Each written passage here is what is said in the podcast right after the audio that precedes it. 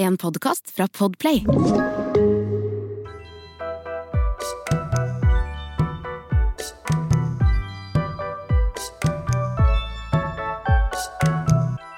Hun som jeg har i studio her nå, det er sånn at jeg har stemmen hennes i mitt eget hode. Fordi jeg har fulgt henne på Instagram en liten stund. Og hver gang jeg er i ferd med å rope 'pasta, pasta' eller 'forsiktig' til datteren min på fire år, så hører jeg stemmen din i hodet som sier Sieli, konsentrer deg. Så nå roper jeg 'konsentrer deg' til min datter på fire år. Du er foredragsholder og pedagog. Du er trebarnsmamma og bonusmamma til to. Du brenner for at eh, vi skal komme oss ut og bruke naturen, og også kanskje det der å pushe oss selv utafor komfortsona lite grann. Mm. Velkommen, Ive Tandberg. Tusen hjertelig takk, Merete. Det er koselig å ha deg Ja, her. det er veldig hyggelig å endelig møtes, for vi har jo teksta en del frem og tilbake. Vi har det. Ja. Veldig godt å ha deg her. Og blir du litt stolt når du hører at uh, jeg sier at eh, stemmen din er baki topplokket mitt egentlig nesten daglig? Ja, jeg gjør jo faktisk det. Jeg, jeg kjenner på at jeg blir Det er musikk i øra mine. Det er det jo. Fordi at jeg tenker at det har så mye å si for barna. Ja. Hvordan de blir møtt på disse ja, risikofylte aktivitetene, da. Hvordan du som forelder møter de, er ganske avgjørende for videre fremtid, faktisk. Og det er det her jeg er så nysgjerrig på og vil høre mer om. Eh, For nettopp det der å si eh, 'konsentrer deg' og eh, tørre å slippe barna, la de klatre i trær og kan gjøre de tinga som vi kanskje foreldre forbinder med risiko, fordi vi tenker sånn 'hva hvis det skjer at hun faller nå'? Ikke sant? Og det er jo det siste vi vil som foreldre, at barna våre skal slå seg skikkelig. Ikke sant? At det skal gå galt, da. Eh, så hvis du kan begynne på en måte litt å først egentlig fortelle litt hva er det du definerer som risikolek, da? At vi kan sette oss litt inn hva er det du mener med det? Ja, altså det finnes jo en, altså et fag, en fagbeskrivelse av hva risikolek er. Eh, Det er jo all lek med potensialet for fare, eller for skade. Alvorlig eller mindre, men skade. Eh, Så all lek vi gjør, eller alle aktiviteter på en måte, som lekfylte aktiviteter, med mulig utgang for skade.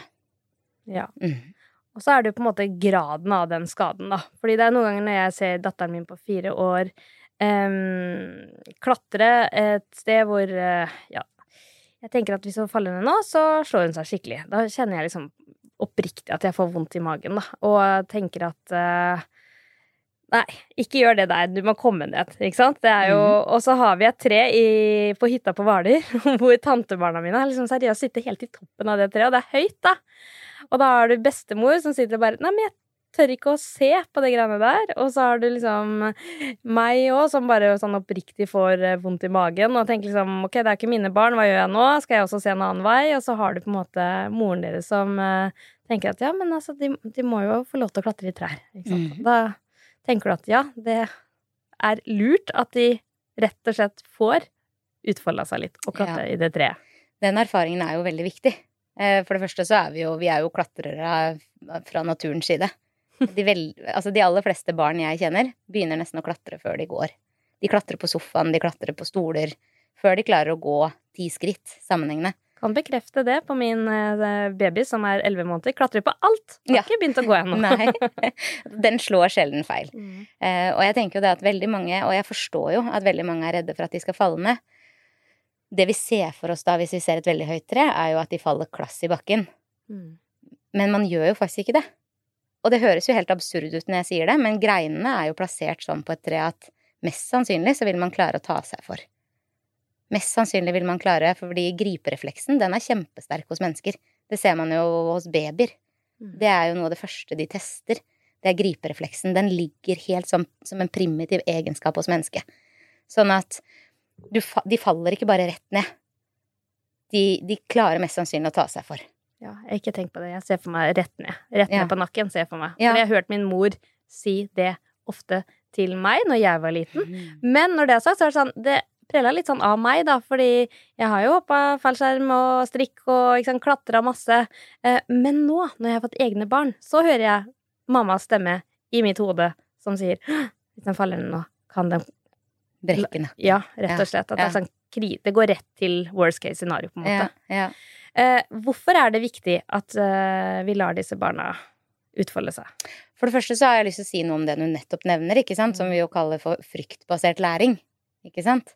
Hvor du presenterer worst case scenario-utfall, og, så, og så forventer du da at barna skal lære ut av det.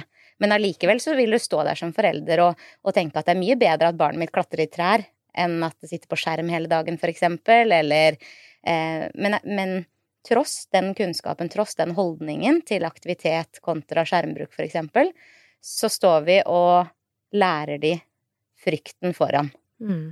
Eh, så vi lærer de alt galt som kan komme til å skje, hvis som at det dersom at det.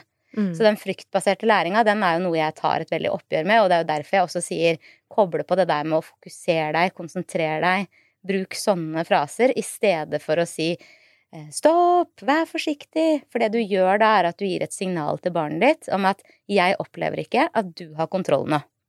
Mm. Jeg opplever at du ikke har ferdigheter nok til dette. Jeg opplever at du ikke er god nok til å klare dette.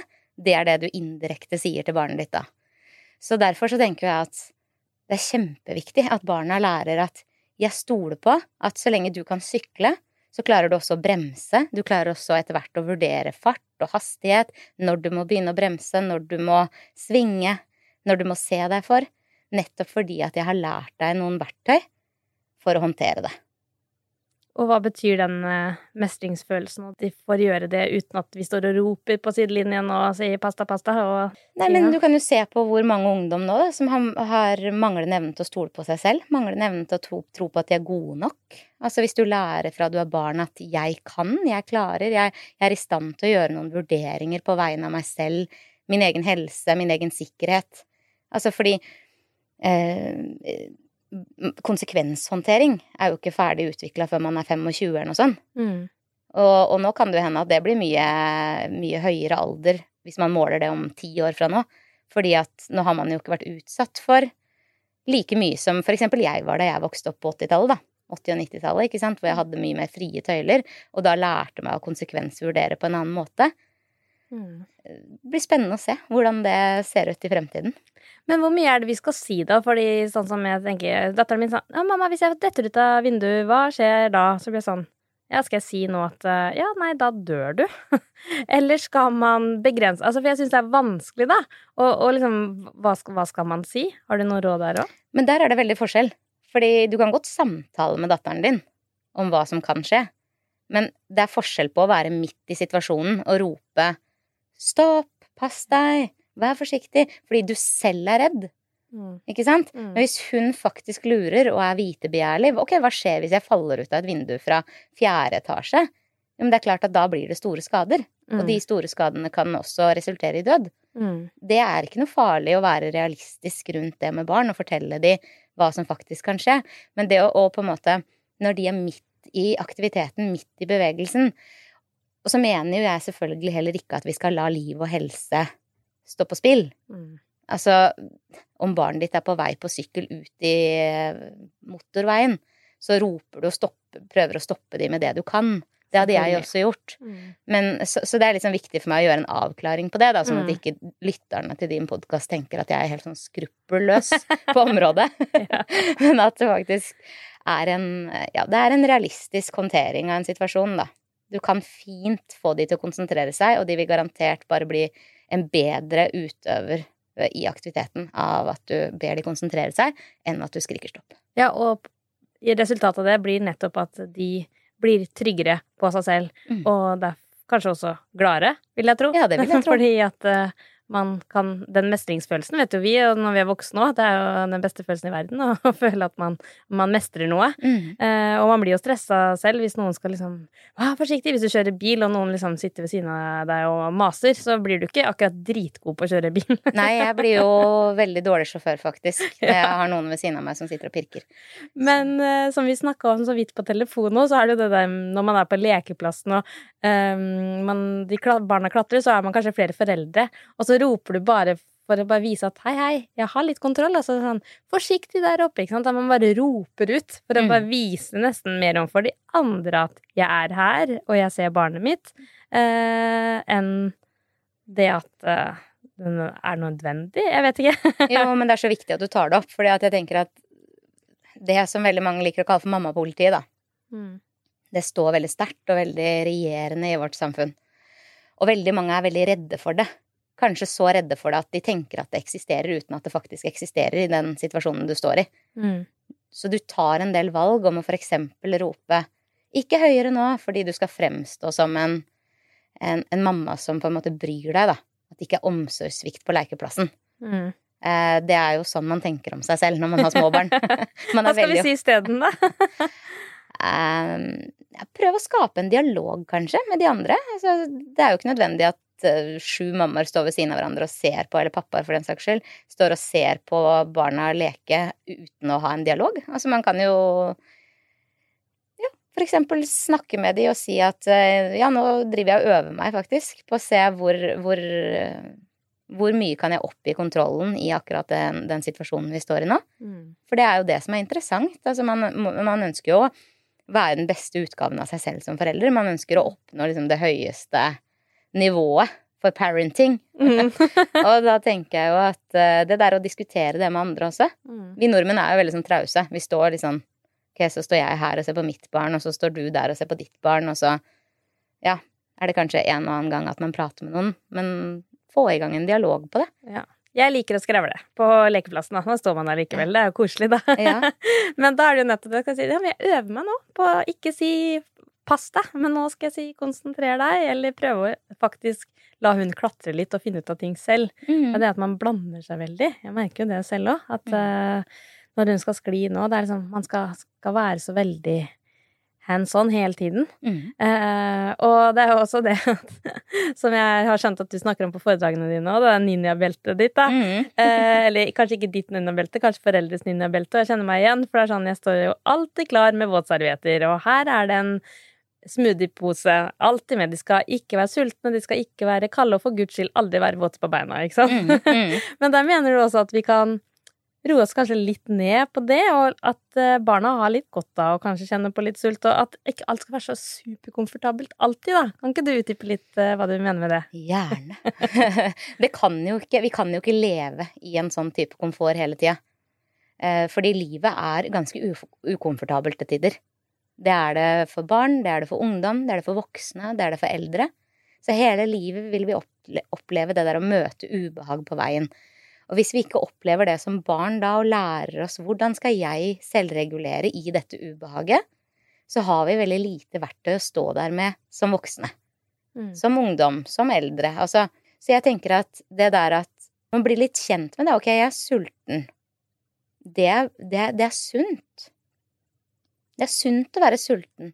Det er kroppens signal på at nå trenger vi mat. Mm. I stedet for at vi som foreldre skal ha en sånn indoktrinert forståelse på at hver tredje time så skal ungen fôres. Mm.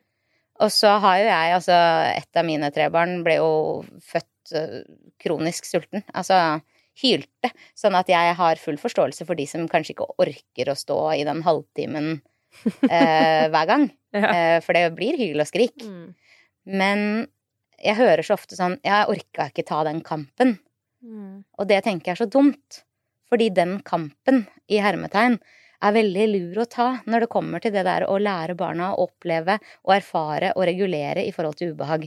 Mm. Det er kjempeviktig. Det, det er en del av livet å, å lære seg hvem blir jeg?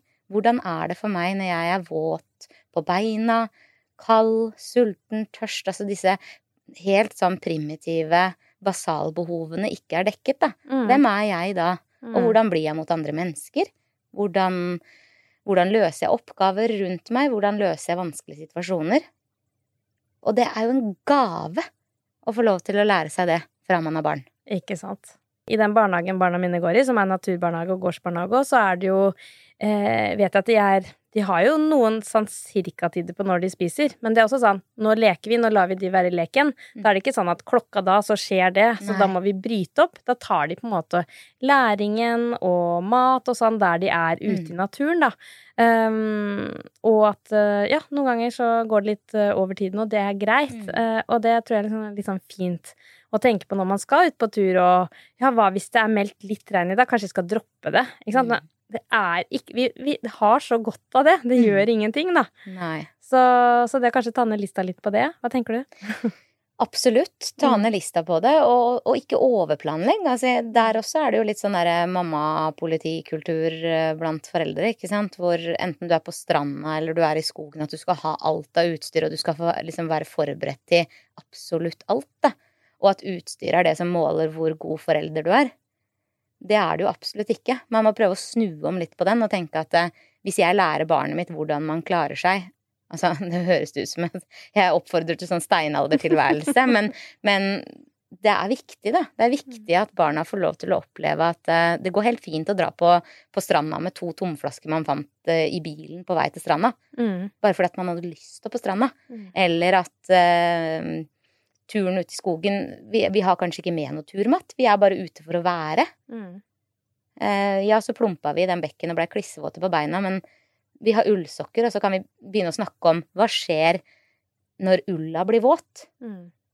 Jo, hvis jeg, hvis, hvis jeg fortsetter å være aktivitet og bevegelse, så, så holder jeg meg faktisk varm allikevel. Mm. Det er ullas egenskap. Det er derfor vi ønsker at du skal bruke ull. Ikke sant? Ja. Så lærer man det. Mm. det er kjempefint. Og har, Andreas tar jo med Amelie ut fortsatt og bader. Nå begynner det å bli ganske kjølig i vannet. Eh, og så er det sånn Skal du ta med den fireåringen ut i det vannet? Hva hvis hun blir liksom skikkelig kald? Ikke sant? Men én ting er når du har baby, men nå er hun fire år, da.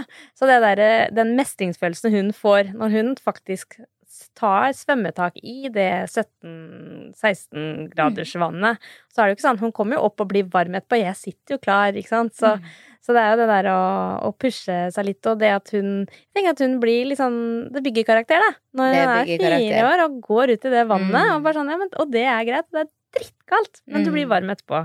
You're good. Ja, og så er det noe med at da lærer du også å kjenne kroppen, da. Ikke sant? Eh, nå er det bare ett av mine tre barn som er veldig glad i å bade i ordentlig kaldt vann. Men han bader helst så fort han ser det, og det var en fjellovergang på Hardangervidda i sommer hvor han var nødt til å ta seg en dukkert, og da er vannet mellom åtte og ti grader. Ja. Eh, går uti, og det, vinden lager de bølgene der oppe, og det er så rått fjellandskap. Det er så kult å se den lille kroppen bare Nei, jeg skal uti her, og jeg skal dukke under. Og så kjenner han da på den velværefølelsen, faktisk, da, Mm. etterpå. Det der at varmen begynner å spre seg på en helt ny måte, blodsirkulasjonen er i gang. Man lærer jo førstehånds da, om kroppen sin. Hopper du uti samme hand da, eller? Ja, gjerne. Ja. Mm. For det er noe med det når eh, Vi snakker jo om barna her, men jeg tenker jo vel så viktig også hva det gjør med oss voksne. Eh, det å komme seg ut og være litt tett på Også kunne liksom takle det å bli litt våt på bena, vi òg. Det er jo ikke så ofte vi blir det lenger. Jeg er blant de som tar kalde dusjer innimellom for å kjenne Mm. på det, for jeg merker at eh, jeg går litt tøffere inn i dagen Mm. når jeg gjør det. Mm. Eh, gjør det absolutt ikke hver dag. Jeg har tenkt det, at jeg burde begynne med det, da. Men, Mm. men liker det komfortabelt som veldig mange andre. Mm. Men det der at vi Kan ikke vi lære oss å I den prosessen hvor vi eh, tenker at eh, vi alle sammen kan gå litt utafor komfortsonen, at vi alle har godt av det? Mm. Ja, og det er altså i mange ulike perspektiver. Alle har, tenker jeg, behov for å trå ut av komfortsonen for å utvikle seg som mennesker. Eh, I tillegg så er det jo noe med hva er det vi faktisk trenger, hva er det vi faktisk kan sette pris på, ikke sant? I dagens samfunn hvor det er overflod av komfort i alle ledd. Så det er egne sokker å kose seg med i sofaen. Det er egne sokker i Elsker de sokkene. ja. Nei, men ikke sant, du skjønner ja. hvor jeg vil hen. At eh, det er så tilrettelagt hele, hele tida, da. Mm. Eh, og både i et miljøperspektiv og i et fysisk helse, psykisk helse. Altså, det er så mange perspektiver, da, hvor jeg tenker at det er viktig å komme seg ut av komfortsona. Mm. Mm. Og så er det jo noe som jeg har tenkt på litt, da, siden jeg har to jenter nå. Og så har jeg sett sammen på at eh, det er litt forskjell på hvordan gutter og jenter leker nå. Altså når sånn jeg observerer det, da. Eh, når jeg kommer i barnehagen, så er det eh, Gutta løper rundt og er klin kokos, og jentene sitter og pent og leker, liksom. Mm. Um, og så ønsker jeg jo å oppdra jenter med bein i nesa, ikke sant? Og så tenker jeg eh, innimellom så deilig at de sitter og leker med den, der, den pene leken sin. Mm. Søte, stille, rolig leken sin. Men tenker du at eh, jeg gjør lurt i å oppfordre jentene mine til å gå ut og fekte med pinner òg, liksom? Å ja, definitivt. Altså, det er, jo en, det er jo et av elementene i risikoleik. Og når jeg snakker om risikoleik for barn, så snakker jeg jo ikke om risikoleik for gutter. Jeg snakker jo om risikoleik for barn, punktum. Mm. Ikke sant? Og mennesker, egentlig. Ungdom også. eh, voksne gjerne òg, men og, og, grunnen til det er for at vi mennesker vi, jo, altså vi er, har et medfødt behov for å oppsøke skrekkblanda fryd. Det ligger som et latent behov i oss mennesker, og det er noe vi trenger, faktisk. Sånn som når jeg sitter i denne podkasten nå, så er jo det en sånn skrekkblanda frydfølelse idet man setter seg ned, tar på seg øreklokkene, skal begynne å snakke inn i den mikrofonen, høre egen stemme hele tida i øra. Altså, det er en skrekkblanda fryd i det. Eh, og en form for risikolek i en annen dimensjon enn ute i skogen, selvfølgelig. Mm. Men barn har også behov for det barn, og ikke bare jenter eller bare gutter. Eh, og det jeg syns er interessant å se, er jo Jeg har jo også hatt eh, lengste, eller mesteparten av tida i min yrkeskarriere i barnehagen har vært i en gårds- og naturbarnehage. Og der var jo de kjønnsrollene veldig sånn viska vekk. Mm. Vi gjorde de samme tinga. Vi mata hønene, vi gikk på tur i skogen, vi padla i barnekajakker, eh, plukka grønnsaker på åkeren, var møkkete under neglene. Um, så er det jo kanskje overvekt fordi at det er sånn samfunnet vårt er lagt opp på en måte med, med markedskapitalismen, rett og slett, da, på hva, hva, selger inn til jenter, og hva selger inn til gutter. Det var veldig mye strutteskjørt og, og tyllskjørt utapå vinterdressen, for eksempel. Mm -hmm. Det er helt greit, det. Men det var det også hos spesielt én av gutta som bare gikk, gikk for alt han syntes var fint. Mm. Og det var så utrolig fint å se på fellesskapet da, fordi de var ikke så innmari opptatt av hva som er guttete eller jentete. Ikke sant? Så da hadde man et fellesskap som alltid gjorde mye av de samme aktivitetene. Mm. Eh, og han var mer enn akseptert for at han gikk rundt i verdens nydeligste tyllskjørt med glittersvaner på. Elsker det. Og når man er ute i naturen, er jo, der er jo lekene er jo naturen. Så det blir ja. jo ikke forskjell. Er det blir ikke forskjell. Og ikke sant, når du snakker om dette med fekting med pinner, da, mm. så som sagt så er det en av elementene i risikoleik. Det er lek med, med farlige redskaper. Det være seg spikkekniv, det være seg en lang pinne man bruker å fekte med. Og det er viktig. Det handler om å respektere mine personlige grenser, at jeg blir kjent med de. Det handler om å respektere dine personlige grenser. Hvor hardt kan jeg slå? Bli kjent med egen styrke. Hvor hardt kan jeg slå uten å skade? Hvor, hvordan skal jeg holde denne pinnen for å fekte på din pinne? Jeg får jo litt hetta. Nå, nå sa du spikkekniv òg. Altså, mener du at fireåringen min skal kunne leke med en spikkekniv? Ja, så nå må du huske på at definisjonen for lek er um, det er så mangt, ikke. ikke sant? Når jeg snakker om lek med spikkekniv, så snakker jo eksempel ikke jeg om å løpe rundt med spikkekniv. Nei. Det er ikke å ta HMS-en på alvor. ikke sant? Den mm. må vi ha på plass. Mm. Vi kan ikke løpe rundt med den. Kniven må holdes ned, man må reise seg rolig opp når man har den i hånda. Skal man gå, så må man putte den i slira. Mm. Eh, men lek er så mye mer enn det vi vanligvis ser på det som, da. Definisjonen på lek er at det må være egeninitiert. Så hvis din datter for eksempel kommer til deg og sier 'Jeg har lyst til å være som Emil i Lønneberget og spikke', og hun setter seg på trappa og spikker på en pinne, så er det lek. Mm. Ikke sant? Lek er ikke at man må løpe rundt og hoie og, og holde på med den spikkekniven. Men jeg syns absolutt at hun bør få lov å leke med spikkekniv. Når du sier det på den måten, mm. så, så er, jeg, er, jeg, med på det. Altså. Så det er jo den derre hva, hva, kan vi foreldre som kjenner på den frykten, da? For når jeg ser for meg hun sitte på trappa og skal være Emil Lønneberget med de bitte små fingrene sine og en skarp kniv, så blir jo jeg redd for at fingeren skal gå, da. Ikke sant? Ryke en finger, da. Mm. Hvordan skal jeg forholde meg til det, da? Har du noen tips til liksom Altså, er det det derre å gå inn og liksom virkelig lære, ikke sant? At man mm. sammen finner ut av sånn at man kan gjøre det så trygt som det er mulig, da? Ja. Og altså, kompetanse er jo alt, ikke sant? Mm. Kunnskap og kompetanse. Så som forelder, da, hvis man skal gå i gang med dette som et prosjekt, at nå ønsker jeg at hun skal lære å spikke, så bør man jo sette barnet på fanget, vise hvordan man holder kniven, vise at eh, du må spikke utover, fra deg, ikke mot noen. Og så er det jo sånne ting som at du som forelder må ta ansvar for at den kniven er så skarp som mulig. Hvis den kniven er sløv og hun kutter seg i fingeren, så blir det kuttet mye styggere enn hvis den er skarp. Og så må man også huske på her at vi mennesker har veldig sterke reflekser. Så i det øyeblikket, sånn som når du har stått og kutta gulrøtter, og plutselig kommet borti fingeren din, så rykker du den kniven veldig raskt tilbake. Det gjør også barnet ditt. Det er en medfødt refleks. Mm. Ikke sant? Så det er ikke sånn at hele fingeren går. Man kutter seg litt. Noen ganger så blir det et sting på legevakten. Andre ganger går det greit med et strips. Og noen ganger kan man liksom bare tørke av blodet.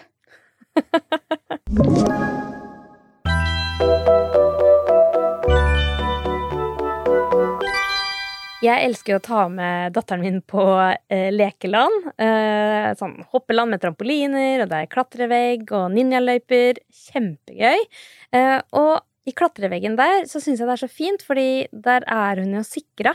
Så der er det sånn, da kan vi pushe grenser sammen. Jeg kan klatre litt, hun kan klatre. Hun pusher grenser. Og så Mm. vet jeg at hvis hun faller, så er hun trygg. Mm. Eh, og det samme på de skliene og sånn, som jeg har vært med henne og skli på. Hun har til og med pusha meg. Når jeg satt der bare Nei, jeg tør ikke. Jo, kom igjen, mamma, dette tør du. Og så har vi gjort det sammen, og så har det vært helt sånn eufori nederst i sklia fordi det er så gøy, ikke sant?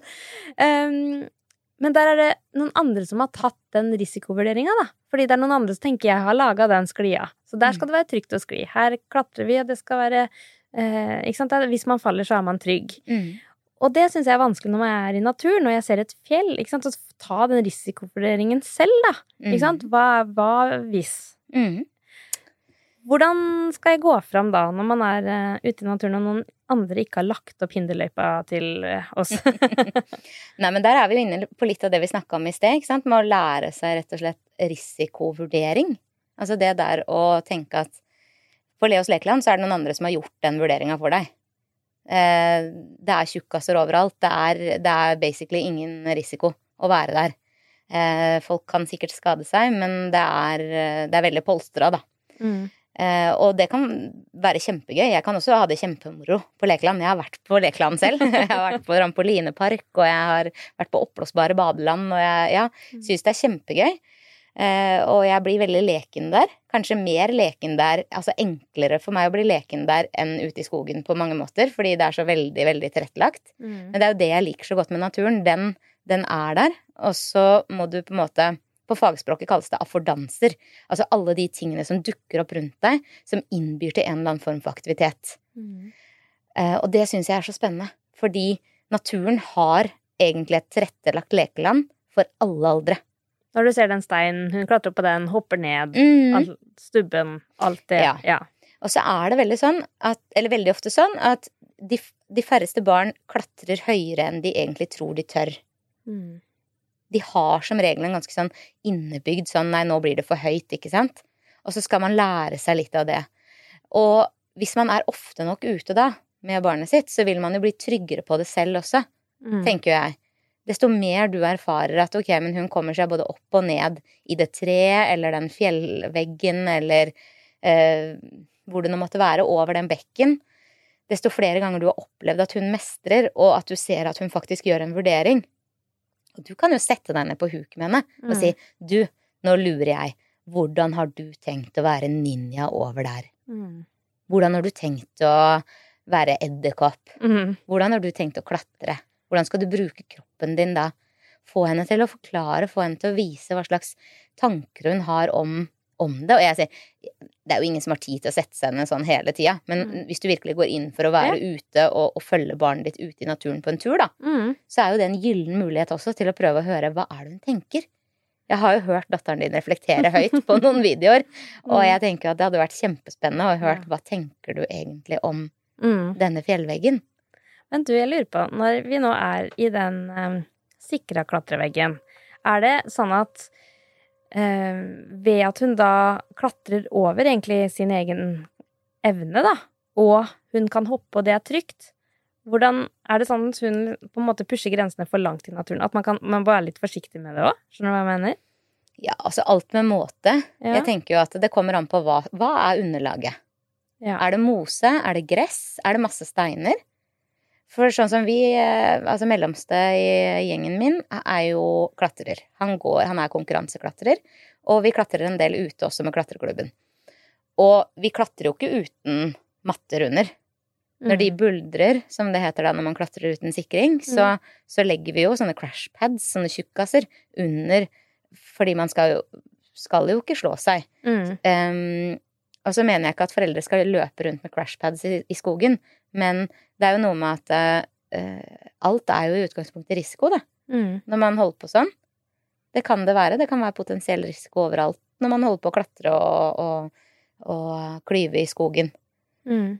Og så må man bare vurdere omgivelsene.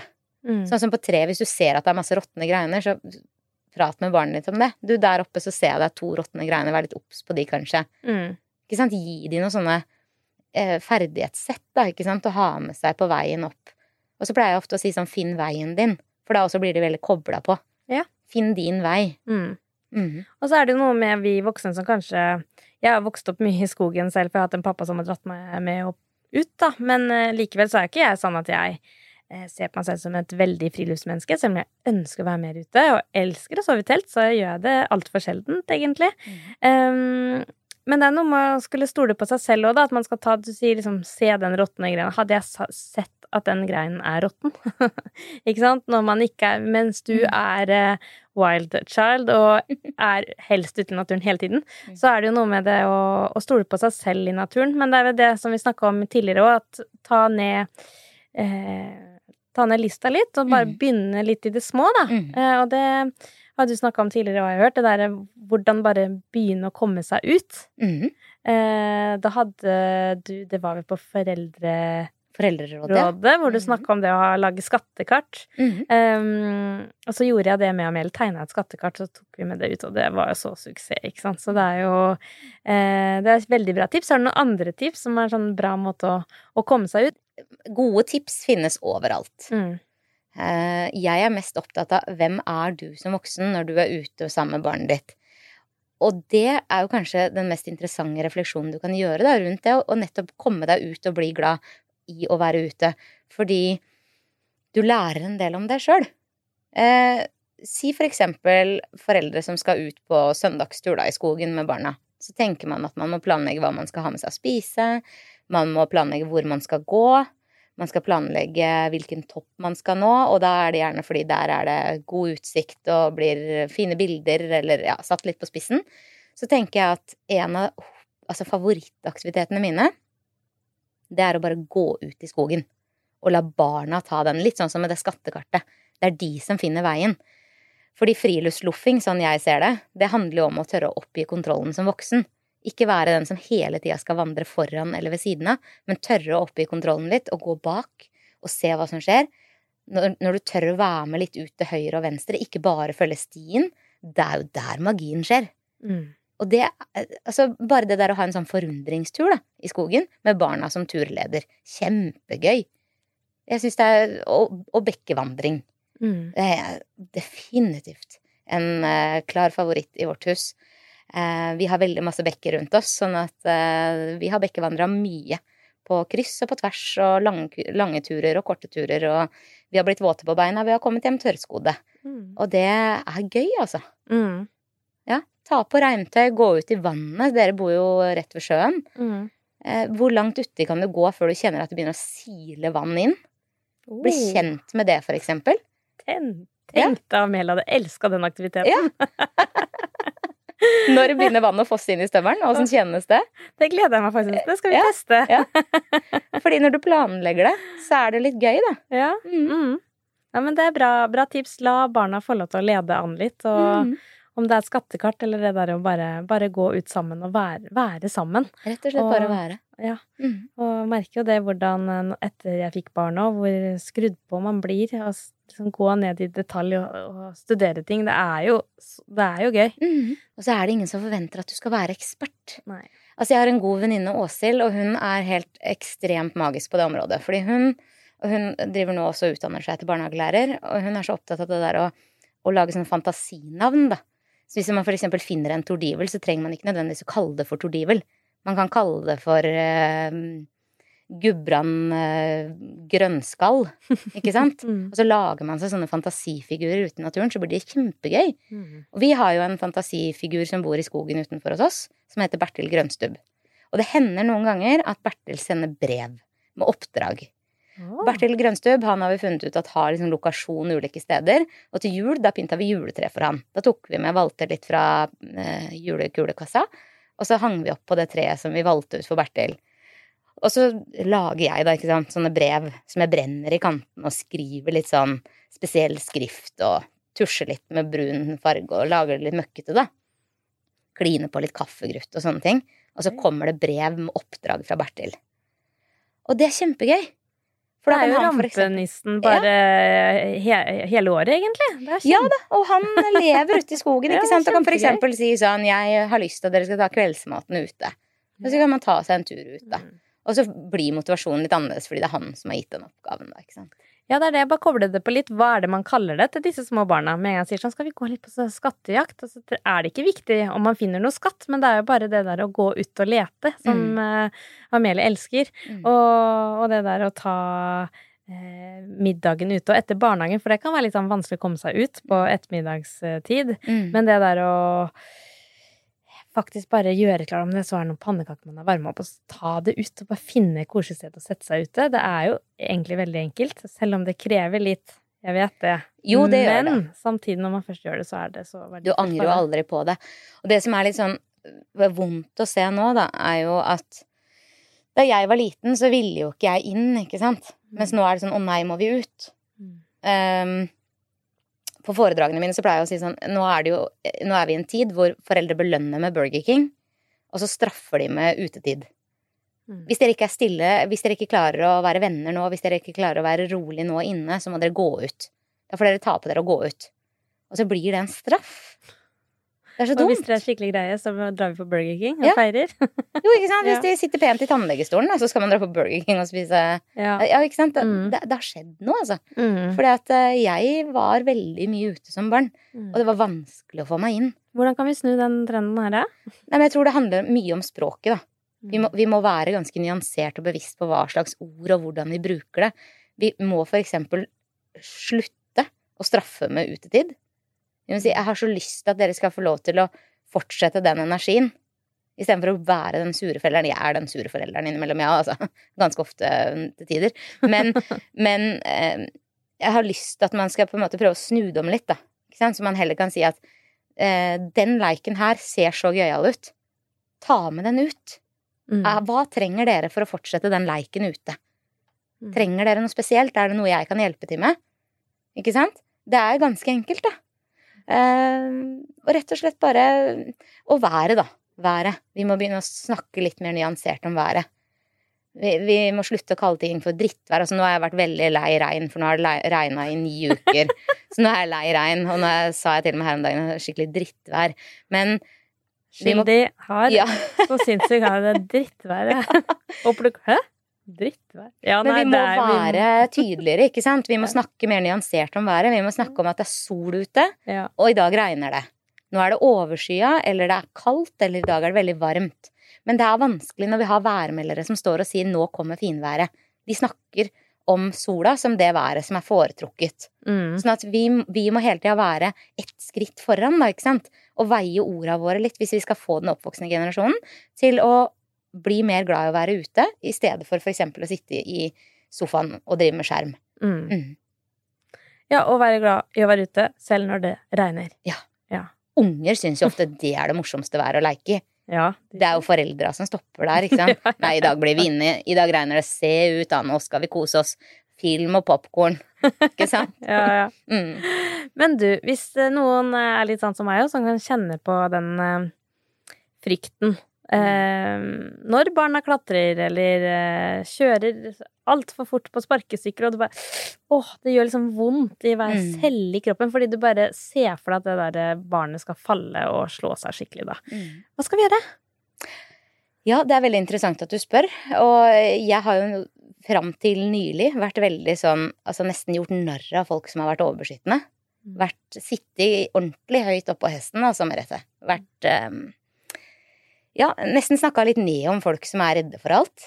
Um, og, og for ikke så veldig lenge siden så opplevde jeg det som er kanskje alle foreldres største mareritt. Opplevde ikke med eget barn, men et barn veldig nært. Uh, Det var rett og slett en uh, nær døden-opplevelse, hvor vi I forbindelse med vann. Og uten å gå altfor mye inn på det, så kjente jo jeg på i tiden etterpå at jeg måtte jo virkelig puste. Og det var jo bare et par-tre dager etter at min eldste sønn på 14 sto frivillig kløyva ved ute på gårdsplassen, og vanligvis ville jeg applaudert det så det holdt, fordi han er jo nå litt vanskeligere å få ut, da. Eh, og kanskje vanskeligere å få til å hjelpe til med sånne ting som å kløyve ved. Men han sto der på eget initiativ, og plutselig da så kjente jeg sånn, den frykten for at noe skulle skje med han. Jeg, jeg fikk ordentlig sånn risikolekangst, og bare ropte ut til han at han måtte stoppe. Jeg orka ikke det akkurat nå, vær så snill, ikke gjør det nå. Jeg, jeg blir for redd. Og det jeg så for meg da, var jo at øksa sto i leggen hans. Den gjorde jo ikke det. Han har kløyva ved siden han var fire år.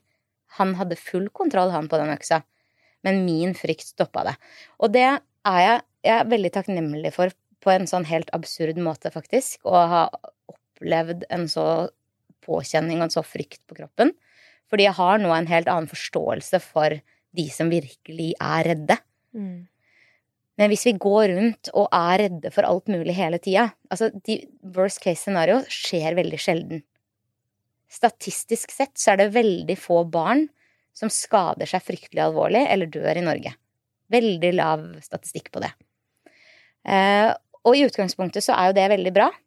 Vi vil ikke at de skal skade seg, vi vil ikke at de skal dø. Men allikevel så er det noe med at statistikken har jo gått så betraktelig ned også fordi at vi beskytter enormt, ikke sant? Og så ser man igjen at dette kommer igjen som psykisk uhelse. Det er en helt annen statistikk på psykisk uhelse nå, ikke sant? Sånn at det, det, dette er et vanskelig og utrolig delikat å, ø, tema å prate om. Fordi jeg vil ikke at barn skal dø. Jeg vil ikke at barn skal skade seg alvorlig. Mm. Men jeg mener at vi må ha et bevisst forhold til hva Altså, det må være en balansegang der. Vi er nødt til å la barna få lov å skade seg litt. De er nødt til å kjenne ubehag på kroppen. De er nødt til å få litt friere tøyler. De er nødt til å lære seg på egen kropp hva ubehag gjør. Hvor er mine personlige grenser? Og som forelder da, så må du faktisk bare bite tenna sammen noen ganger. Eh, og som jeg sa til deg i stad, da, med den risikovurderinga ute i fjellveggen altså, Du må bare oppleve det, Alt handler jo om eksponering. Så hvis det er noe du kjenner at du er veldig, veldig redd for, så må du faktisk ta tak i det selv også. Du er nødt til å, å gå ut der og møte det. Selv om det kanskje gjør vondt, da. Om barnet ditt har skada seg skikkelig på sykkel, så, så, vil du jo ikke at barnet ditt ikke skal sykle resten av livet. Mm. Du vil jo gjerne at de skal opp på hesten igjen, på en måte.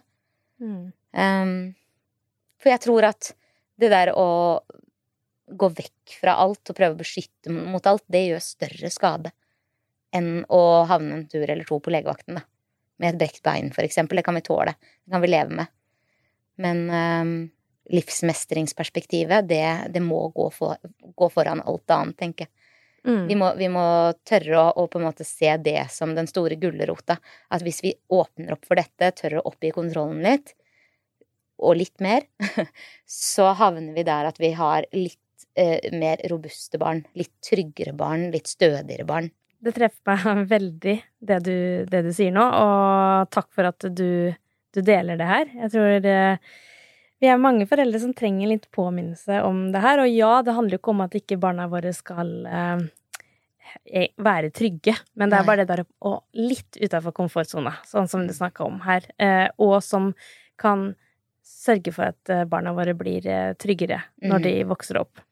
Ja, vi må tenke langsiktig. Mm. Vi kan ikke bare tenke her og nå mm. og worst case hele tida. Mm. Ja. Tusen takk for at du ville komme og dele tankene dine. Det har vært kjempeinteressant. Og hvis du har lyst til å sjekke ut Ive, så bør du sjekke ut henne på som friluftsloffing på Instagram. Mm -hmm. Da deler du mange gode tips, og du er ganske tydelig i meningene dine ja. der. ja. ja. Får du noen som kjenner at den blir litt, eh, litt, angrepet noen ganger, som går litt i ønsker å gå i forsvar, eller er de fleste mottagelige for uh, budskapet? Nei, jeg har Jeg opplever veldig, veldig mye positivt. Ja. ja. Uh, opplever at uh, det jeg sier det er vel vanskelig for folk, tror jeg, å være uenig i at det er en fornuftig akkurat det der. Mm. Eh, vi må hente tilbake røttene våre litt. Vi har fjerna oss så langt fra det som er naturlig. Og det tror jeg, hvis eh, alle går i seg sjæl lite grann, at de er ganske enig i. Mm. Sånn at eh, Og så kaller jeg en spade for en spade. Mm. Og er ganske direkte både som pedagog og i livet ellers. Og det Ja.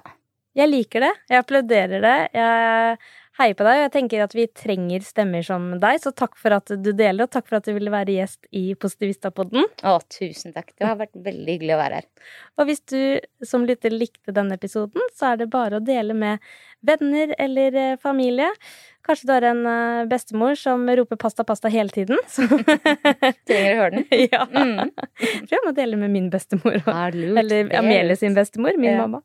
Takk for at du ville komme. Å, takk. Og ha en fin dag videre.